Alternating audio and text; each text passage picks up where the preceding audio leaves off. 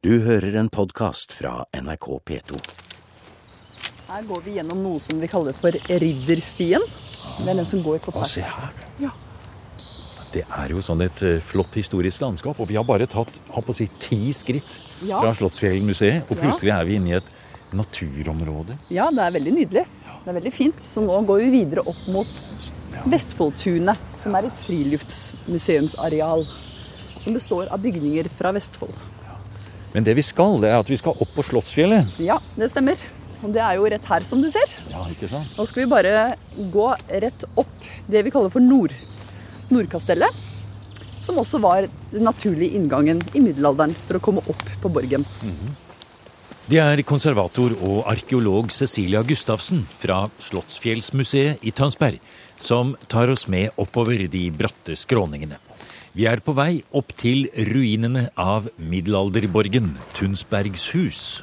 Og se her, nå har vi kommet opp Ja. fra en liten bakke. Landskapet åpner seg ut, og ja, det er jo ingen som kan komme og si at eh, landskapet i, i østlandsområdet er kjedelig. For se her, Cecilia, det er jo, det er jo ja, vakkert er ordet. Ja, helt nydelig. Og her har du også utsikt mot den gamle kongsgården på Sem f.eks. Så hele borgen er jo situert fordi det er så bra utsiktspunkt her Ja. til alle kanter. Og vi hører de moderne lydene fra fly som sikkert skal lande på Torp flyplass, vil jeg gjette på. Og vi ser i blåne etter blåne innover Ja. i kanskje eh, Helt kanskje bortover mot Telemark eller videre innover den veien. Mm, det stemmer. Men nå skal vi opp i festningen, så Ja. vi skal, og der oppe ser vi det flagget fra tårnet, ja. Ja, Det er minnesmerket. Ja, flott eh, anlegg her, altså. Og den dagen vi besøker nå, så er det jo utrolig flott eh, sommervær, da. Ja, det er helt nydelig. Veldig fint å gå tur her nå. Her er den der digitale løsningen. Den er veldig flott, skjønner du. Se der, ja. Her kan du trykke på punkter og få på Michaelskirken og Her Her har vi gått inn i museet ved foten av Slottsfjellet. Og konservator Cecilia Gustavsen er langt inne i den digitale utgaven av middelalderborgen. Kombinasjonen av ny spillteknologi og de siste forskningsresultatene gjør at man kan oppleve middelalderens Tunsberghus bare ved å stryke fingrene over en dataskjerm. Vi jobber jo med Det er jo Norsim som har lagd det her. De er jo helt i front på spillteknologi og utvikling av spill for eh, altså dataspill. da. Så de er utrolig gode på, som du ser her. Han trykker du ut her, får vi Vestkastellet, ja. Ja, her er det Vestkastellet. Og. Og det er noe av det vi er mest fornøyd med her. Ser du Hansa Mm. Oh, der kommer Hansa-kogene, ja. Ikke sant? De ligger ja. her. Den ligger ute i fjorden. Og vi er veldig fornøyd med å ha fått lagd en bro her, da. Mm. Eller en kran, mener jeg. En litt annen vannstand her også, kanskje, enn i Ja, dag? den står litt høyere. Mhm. Tre-fire meter høyere. Og så er det jo selvfølgelig Vi tenker jo at man må ha Hvis ringmuren, den ytre ringmuren er komplett, så er den 800 meter. Hvis den er komplett rundt hele fjellet. Og det, da tenker vi at eh, den Man må ha frakta stein fra flere steder enn bare fra Nord- og Sydkastellet. Med hest og kjerre, ikke sant? Og nå, Cecilia, blir du helt fanget av leken, du. For nå er du helt inni det. Ja, Og ja, trykker og peker, og du er bare Så det, det fungerer veldig bra. Ja, ikke sant? Så morsomt å se hvordan Ja, det det er veldig spennende. Ja. Så her er. Nordkastellet, Sydkastellet. Her har vi lagd en utstilling som handler om utviklingen av Tønsberg by fra de første funnene i yngre Hovedgrunnen til at vi går så fort gjennom utstillingene på Slottsfjellsmuseet, og ikke stanser verken ved Sven Foyn og hvalskjelettene eller vikingskipet fra Klåstad, det er at vi er på vei til et helt unikt dokument fra middelalderen. Et dokument som nå er på et kort utlån fra København, og som kan fortelle mye, ikke bare om Tønsbergs viktige posisjon i middelalderen, men også om en viktig hendelse i norgeshistorien. Nemlig den såkalte Settargjerden fra 1277, en viktig avtale som skulle bestemme maktforholdet mellom kirken og kongens myndighet, representert ved kong Magnus Lagabøte og erkebiskop Jon Raude. Men vi bare må stanse ved en spesiell monter, som avdelingsdirektør Lena Fare styrer oss mot. Nå lukker Lena opp noe her. Dette er et av de mest myteomspunne funnene vi har i våre egne samlinger. Dette sies å være da eh, rester fra prinsesse Kristinas sarkofag. som er i Covarrubias i Spania. Så her ser vi da spennende tøybiter. Det sies at det skal være fra henne. Og hun døde jo da i Spania og kom fra Slottsfjellet her i Tønsberg. Men vi har ikke tatt noe datering eller noe om det, men, men det er veldig spennende, hele historien rundt uh, prinsesse Kristina. Og det ligger her i en monter som har et forheng, slik at det ikke skal komme lys inn. Mm. Ja. Det, er det er silketaft, ja. ja. Granatfarget. Granatfarget. det var veldig det var dyrt. Og, ja. og muligens del av et hodelin her, det hvite. Ja. Nå skal du komme til en veldig fin utstilling. Her er borgerkrigsperioden, vet du. Og her kommer vi inn i en stor kortstokk, hadde jeg nær sagt. Hvor eh, alle disse kongene henger rundt på veggen her. Og en veldig flott og morsom eh, veksling i utstillingsformen her. Mhm. Her er det store dokumenter som krøller seg gjennom rommet. Ja, Veldig fint. Ja. Pergamentrull. Ja, det er symbol på tiden, ikke sant. Nettopp. Og at ikke det bare er syklisk tid, men at man har eh, ja, i, i, kristenheten og også i borgerkrigene så har liksom konfliktene kommet og gått. Så det er liksom metafor for det, da. Og her har vi alle sammen på veggen, fra Harald Gille som gikk på jern, og det er Magnus Blinde, det er Sigurd Slembe, eh, og det er de forskjellige som eh, kastet seg opp som eh, høvdinger og ledere i tiden. Og midt på veggen så står selveste Erling Skakke. Mm. Ja. Og Magnus Erlingsson og alle sammen. Sverre står der og taler Roma midt imot seg. vi. alt dette som mange kanskje kjenner fra eh, Snorre og andre ting, det er også Tønsberg bys historie. Mm. Det er akkurat det det er. For veldig mange av trefningene i borgerkrigsperioden har jo også foregått her i Tønsberg. Eller i Vestfold. Mm, på Re, ja. Absolutt. To slag på Re. Og ikke minst beleiringen av berget. Eller av Slottsfjellet. Vinteren 1201 og 1202. Hvor kong Sverre beleira berget med 1000 mann. Og prøvde å få ned en baglerstyrke som hadde forskansa seg oppe på berget, på ca. 300 mann. Kong Sverre brukte to måneder på å klare å innta fjellet. Og metoden han brukte, var jo å sulte dem ut. Så det sies jo i sagaen at de til slutt spiste skosålene sine og beltene sine. Men når de da overga seg, så behandla Sverre dem godt. Han ga dem grid, som det heter. Men det må ha tatt på Sverre å beleire så lenge, fordi han døde jo og vinteren etter. Han døde jo utpå høsten. Her, Lena, nærmer vi oss noe som er din store stolthet. Ja, dette her er en drøm som har gått i oppfyllelse. Dette er Settergjerden. Det her er jo et stykke kalveskinn. Og det er på siden av ryggen på kalven. Og dette er eksklusivt materiale. Det er silkesnorer, og det er eh, seil av bivoks. Og selve dokumentet er da ca. 30 ganger 70 cm. Og du ser den fantastisk fine skriften. Og det, det er jo så flott å se på. Det, det, vi hadde ikke klart det med linjal engang. Og her var det ikke noen rettetaster eller uh, mulighet for å, å, rette feil. Men det er også skrevet på uh, latin med mange forkortelser. Og vi ser det har vært brettet sammen vært brettet og sammen. lagt inn. For mm. det vi ser på her, mm. det er kongens egen eh, del av avtalen. Ja. Det var antagelig laget i kanskje et par eksemplarer. Ja. Denne tok kongen vare på. Ja. Og hvor har den vært den før den kom hit? Ja, Vi vet at den var da undertegnet, nei, unnskyld, beseilet i 1277 i Tønsberg. Mm. Og eh, så vet vi ikke hva som skjedde i løpet av middelalderen. Det kan hende den ble sendt til Bergen eller senere til Akershus. Men så dukker den opp på Fyn på 1600-tallet hos en samler. Hos Rosenkrantz? Hos Rosenkrantz. Og Rosenkrantz han gir over dokumentet til eh, Arni Magnusson, som er vår helt. Han, han reiser rundt og samler ja, inn overalt? Han var en fantastisk viktig person for hele Norden. Og han samler inn så mye helt uvurderlig materiale fra, fra alle nordiske land. Og han samler dette her og opplever da bybrannen i København. Etter bybrannen så bestemmer han seg for å øh, donere dette til Københavns universitet. Og der har det ligget siden. Så det har jo ikke vært i Tønsberg og Norge på over 700 år. Mm. Det er helt fantastisk å se dette. Det står inne i en sånn flott monter med nydelig belysning. Og vi går rundt det, vi bøyer oss ned og ser, og vi er helt slått av egentlig også det estetisk vakre mm. i dette dokumentet. Men først og fremst så er det et stykke norgeshistorie vi ser på her. Det er jo helt fantastisk å, å, ha det tilbake igjen, når vi vet at det var her det ble forseglet. Mm. Og som du sier, de har kommet tilbake igjen til denne byen etter 700 år.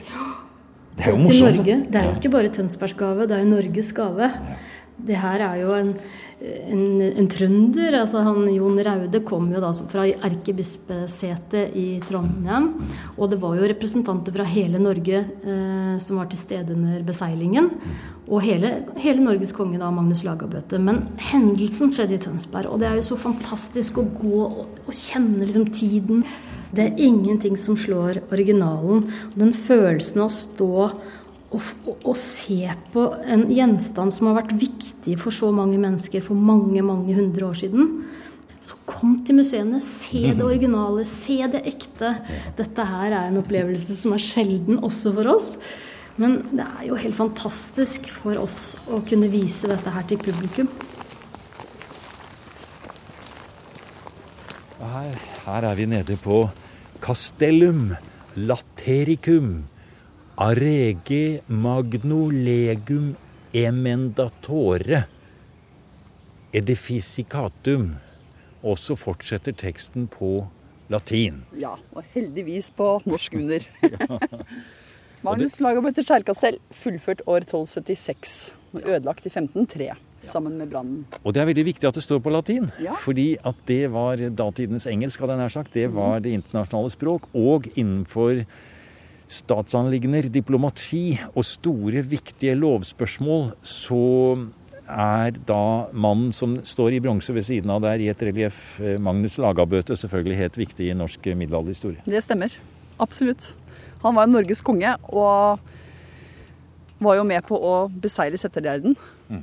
En av avtalepartnerne til biskop Jon Raude, og det var jo skrevet på latin. Det er jo maktspråket også, og kirkespråket. Ja. La oss gå inn i ruinen her, og så kan du fortelle litt, eh, Cecilia, hva det er som skjer på denne tiden i kampen mellom den verdslige myndighet og kirken, som jo på denne tiden begynner å etablere seg og er, har fått et eget erkebispesete, er, er en sterk maktmyndighet og har kanskje flere ganger utfordret kongemakten, ja. som vakler litt. De blir ikke helt enige seg imellom mange ganger hvem som skal være konge eller ikke konge.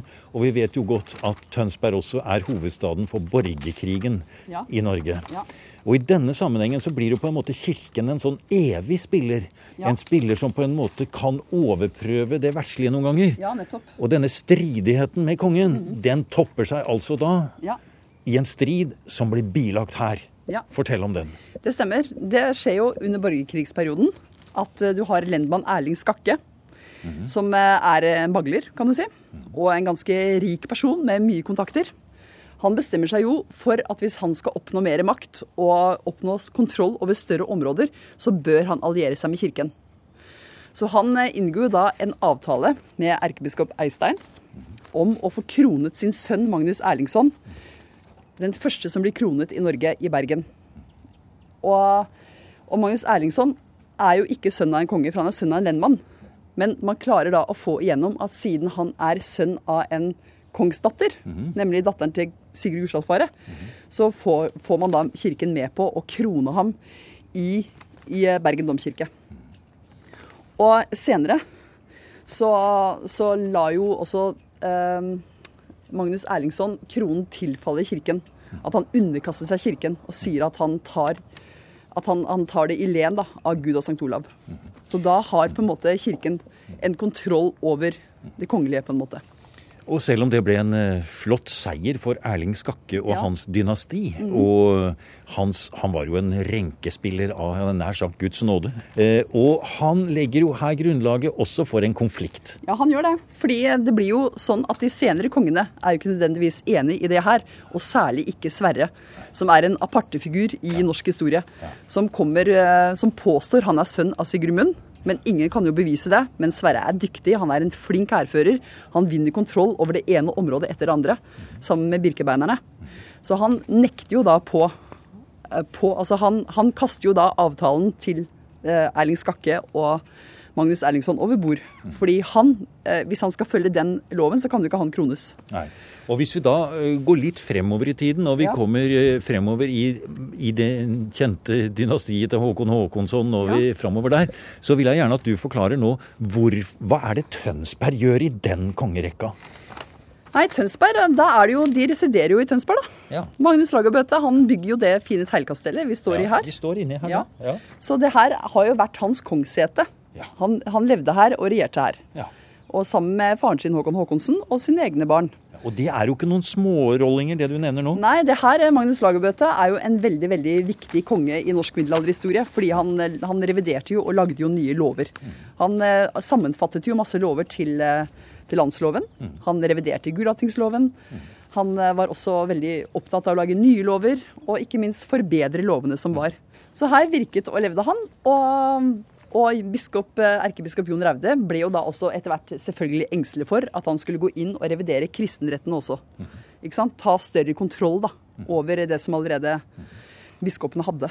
Hvor tror du dokumentet ble skrevet? Nei, Man regner med at det er skrevet uh, i klosteret, i Gråbrødreklosteret her nede i Tønsberg. Du kan mm. se det herfra. Mm, vi, går, ja, du, vi, skal, vi, må nesten klatre opp og, ja, vi, må gå rundt, vi kan vel ikke klatre på ruinen, for det tar seg ikke ut. Ja. Er det lov? Ja, men da gjør vi det, da. Ja. Jeg trodde ikke det var lov. Ja.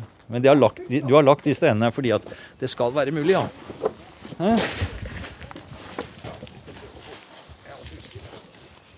Vi prøver å forestille oss middelalderbyen Tønsberg, der vi klatrer rundt på ruinen etter Magnus Lagabøtes borgtårn.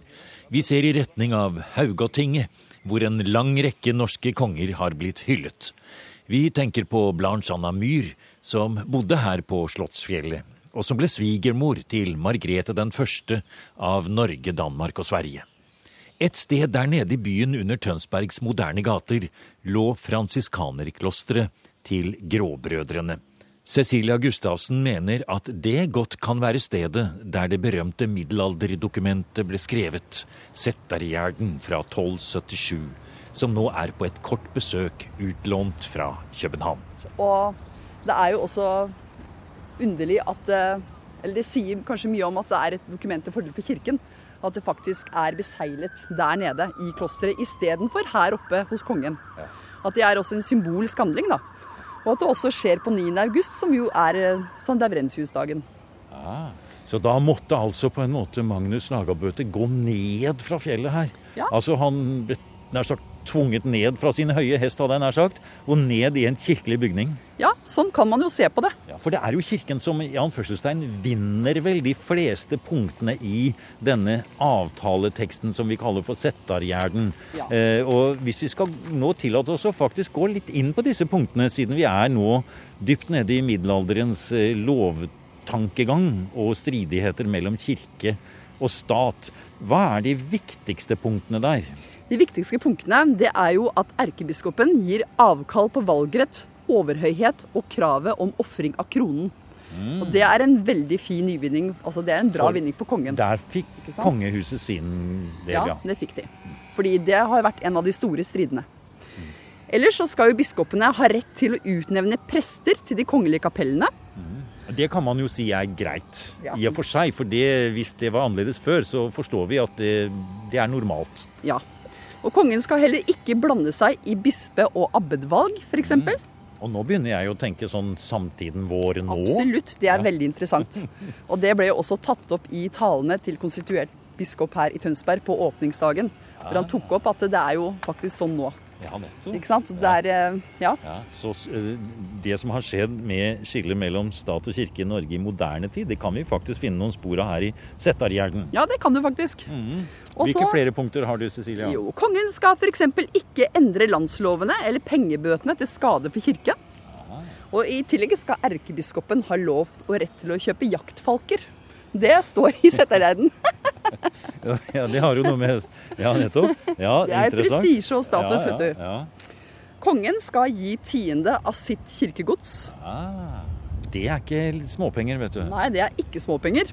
Og erkebiskopen skal ha rett til å føre et bestemt kvantum mel til Island.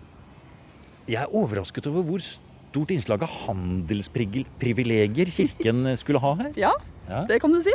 Ja. Og erkebiskopen skal også ha landøre av et skip av dem som hvert år kommer fra Island. Alle pilegrimer som forulempes, skal bringe sin sak inn for kirkelig domstol. Ja, for det var veldig strenge regler knyttet til pilegrimsfarene. De skulle ikke eh, plages eller eh, ødelegges Nei, på noen måte. nettopp. Og skjedde det, så var det strenge straffer. Ja, nettopp. Og i tillegg så skal erkebiskopen ha 100 mann fri for leidangsplikt. Og leidangsplikt det betyr både hærferd og skatt, faktisk. Og visse andre plikter overfor kongen. Ja, og I tillegg så skulle disse leidangsmennene som nå fikk fri, også ha under seg noen frie, tror Ja, de skal ha to mann fri av sine husfolk. Og dette blir jo nesten som en liten hær, Ja. som er eh, fritatt fra både skatt og kontroll. Ja, faktisk. Ja, så Det er jo et slags eh, fysisk maktgrunnlag for erkebiskopen som etableres her. Ja, det er jo det. Det kan du si.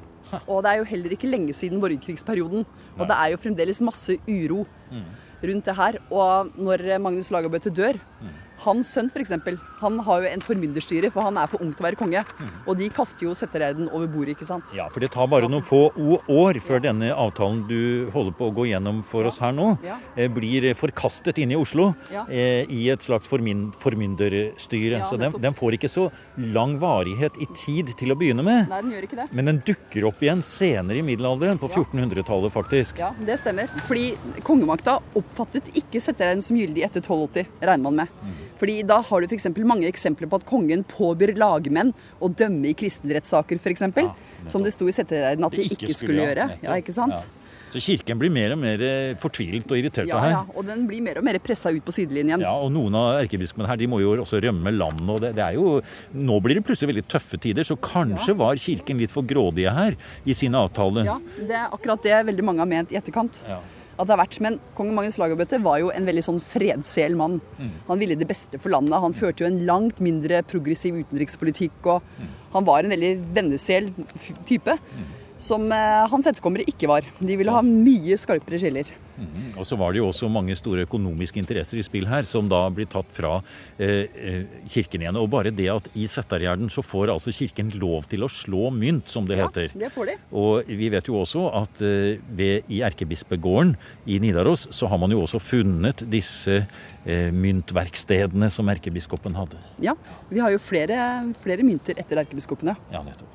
Og sånn kan man jo ikke ha det, Cecilia, i et moderne samfunn. Nei, at kirken kan lage sine egne mynter. Nei, vi må i hvert fall ha et fellesskap. Ja, Jeg er helt enig. Eh, og igjen, dette er lenge før reformasjonen, og før Ja. kirkens makt eh, da forsvinner med den. Eh, men vi har stadig vært tilbake på dette at Settargjerden forsvinner, men så dukker opp igjen, Ja. og kommer da frem på 1400-tallet i et kort, kort blaff der. Det stemmer. Det var unionskongen Kristian 1. som stadfester Settarerden igjen i 1458. Han, eh, han trenger kirken til å anerkjenne kongens sønn Hans som norsk Ah. tronfølger. Ikke sant?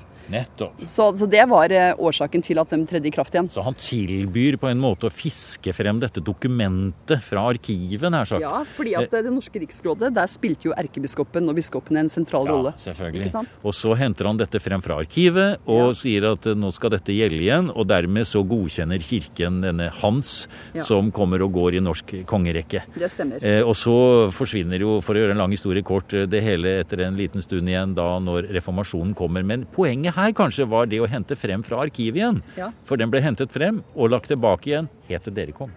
Ja, nettopp. Den har ikke vært vist for offentligheten på, Siden, ja, siden den tiden der.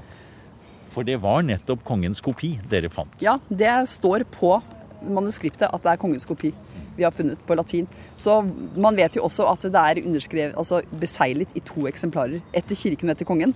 Så hvor det kirkelig befinner seg, det er jo spennende. Det vet vi jo ikke hvor det har blitt av.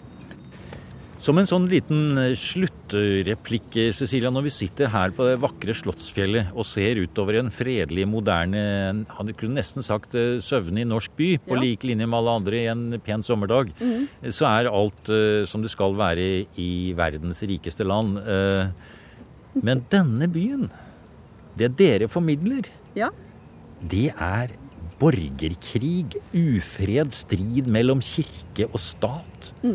Innbyggere som står mot hverandre. Like bak byen her er det en stor slagarena hvor eh, hundrevis av mennesker har eh, slåss og, og mistet livet. Så på en måte så er Tønsberg historien om Norges kamp med seg selv. Ja, det kan du si. Veldig mange av borgerkrigstrefningene og annen ufred har jo foregått i Vestfold. Absolutt. Blant annet så har du jo de to slagene på Re under borgerkrigsfasen. Og beleiringen av berget her vi sitter nå. Ja, Bare det at vi har en borgerkrig som varer ja. så lenge, ja. det er kanskje noe som forsvinner litt i historien om både foregående vikingtider og middelalderens ja. union med Danmark osv. Men altså at Norge slåss med seg selv, det er historien dere forteller? Ja, det er en av historiene vi forteller. Det er jo nettopp om den lange ufredsperioden som varte i 100 år. Fra 1130 til 1240.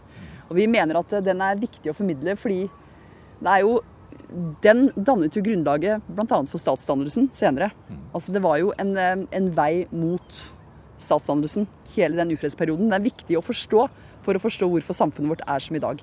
Så er det kanskje litt å tenke på når vi kikker rundt oss i verden i dag, for det er jo ikke mangel på borgerkriger? Nei, det er ikke det. Så det er absolutt, vi som museum er viktig å være aktuelle. Og ved å lage den type utstillinger som handler om konflikt, så vil vi også være aktuelle. Altså Vi kan trekke det til nåtiden og se om man kan lære noe. Du har hørt en podkast fra NRK P2. Send gjerne en e-post til museum krøllalfa nrk.no.